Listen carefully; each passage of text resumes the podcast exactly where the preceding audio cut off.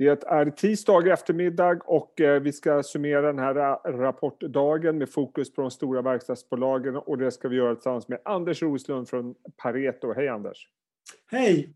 Du kommer direkt från telefonkonferenserna för Atlas och Alfa. Om vi börjar med Atlas rapport. Eh, båda rapporterna är ganska snarlika tycker jag. Eh, lite bättre än väntat, riktigt bra orderingång. Om vi börjar med Atlas, vad tar du med dig därifrån? Det är ju framför allt en, en fantastisk orderingång för vakuumpumparna. Eh, och det fanns väl i korten lite grann efter alla skriverier om halvledarsektorn och, och komponentbrist. Men det var ännu bättre än vad vi kunde tro faktiskt. Men, ja. ja.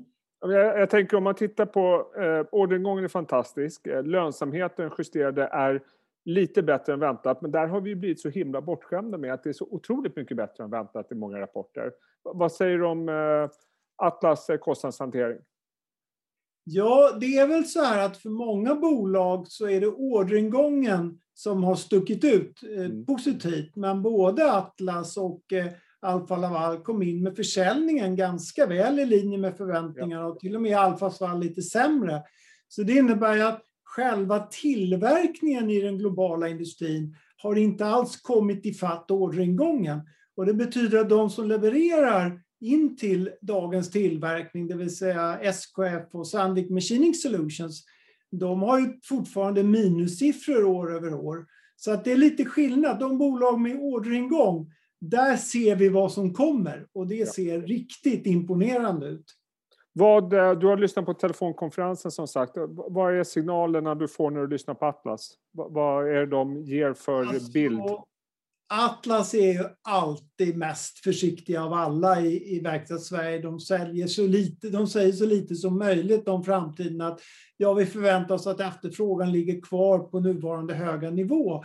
Och det är klart, givet den här extremt höga nivån på vakuumpumpar så finns det ju en risk att något kvartal så halkar det ner igen även eh, för det är underliggande bra nivåer. Så, så de är väl lite försiktiga. Och I det tolkar man kanske att ja, vakuumpumpar kan kanske komma ner lite medan det andra går upp lite.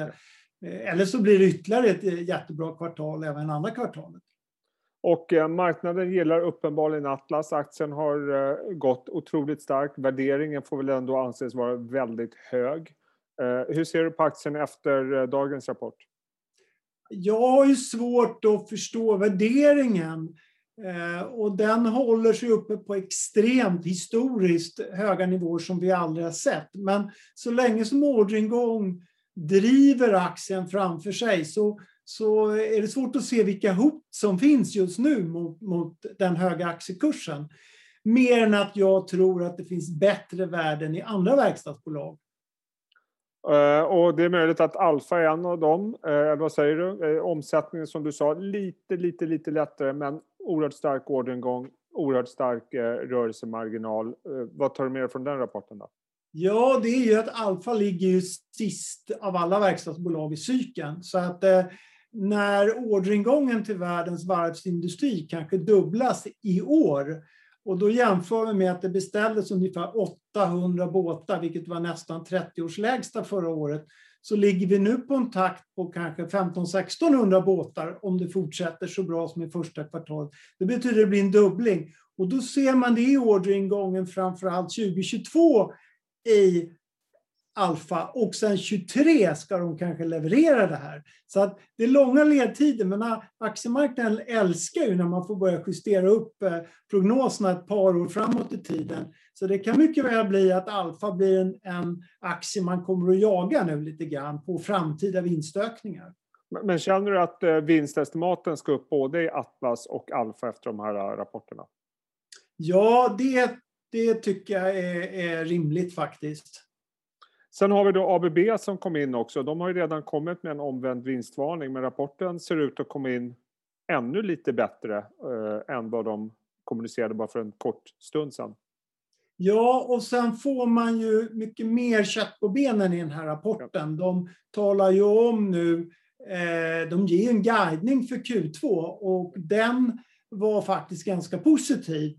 Eh, och man förväntar sig då en ökningstakt som ligger över 10 tillväxt i orderingången, över 10% i försäljning. Eh, och orderingången ska öka ännu mer än försäljningen, så att vi pratar kanske 15 procent eller något liknande. Eh, det vi får vi se när alla har satt sig ner och räknat om sina siffror. Och sen säger man att man ska nå en ebita-marginal på 14 procent. Och den var 13,8 nu och 13,5 här förra veckan när de, när de omvända vinstvarningen kom. Så att det här målet om att nå 15 procent 2023, det känns som att om de inte når 2022 så kanske vi blir besvikna. Nej, men det, det ser väldigt bra ut för ABB och det är ju ett marginalcase. De har ju aldrig levererat de här siffrorna de senaste 20 åren. Så att det är delvis ett nytt bolag och det gillar vi också. Eh, eller vi gör det i alla fall. Mm. Och, och de eh, guidance de ger på marginal och tillväxt, hur ser de ut i jämförelse med där konsensus och du själv ligger i prognoserna? Eh, jag ligger ganska mycket över konsensus, så att vi får väl se. Men eh, jag hade 13,9 här sedan förra veckan. Jag justerade upp det. Men det blir nog ytterligare en uppjustering nu i och med att om de lägger en nivå på 14 så kanske det blir 14,5. Eller så. Ja, det blir nog bättre än 14. Vad säger man då? Nu har ju nästan Epiroc har kvar att rapportera, men om man tittar på de verkstad som har kommit så ser man ju en väldigt tydlig trend och det är ju att orderingången som du har nämnt har vänt upp från tidigare kvartal under pandemin. Vi ser att book to bill är väsentligt bättre än vad det var bara för något mm. kvartal eller två sedan. Har man levt upp mer än väl till förväntningarna? För det är också ett index som har gått väldigt starkt i Sverige. Jag tycker definitivt eh, mot bakgrund av den här starka orderingången att man har levt upp till förväntningarna och lite till faktiskt. Så att eh, den stora frågan är nu de här som fick lite stryk i samband med rapporterna. Eh, och det gäller SKF och det gäller Sandvik. Halva Sandvik är ju fortfarande hårdmetallsidan. De hängde inte med och där redovisar man inte orderingång eller där, det betyder inte så mycket i, i de här kortcykliska verksamheterna. Så där är den stora frågan, vad händer nu med de här som fick lite stryk i samband med rapporten när alla de här orderingångarna ska processas under de närmaste kvartalen? Så att jag är benägen att tro att vi kanske ska titta tillbaka lite på de som fick stryk här och inte bara titta på de som får fantastiska orderingångar. Och vad säger det här om Q2? För nu går vi in i en period där kanske jämförelsesiffrorna från Q2 förra året som var riktigt jobbiga eh, när pandemin bröt ut. Vad, säger du om Q2? Ska vi förvänta oss samma klang och jubelföreställning även då? Eh, ja, det tror jag därför att eh, det är ointressant att det blir liksom 30, 40, 50 och 60 procentiga uppgångar. Utan nu kommer vi att titta hur är Q2 relativt Q1. Eh, och, och, där ser det ju ut som att Q2 blir bättre än Q1. Även om eh, vdarna är lite försiktiga och säger att efterfrågan är kvar på, på samma höga nivå så, så är undermeningen den att händer inget o, eh, oförväntat här och det komponentbristen kan ju vara något men det verkar som att den kan man hantera. Så ska vi förvänta oss i absoluta termer ett starkare Q2 än Q1.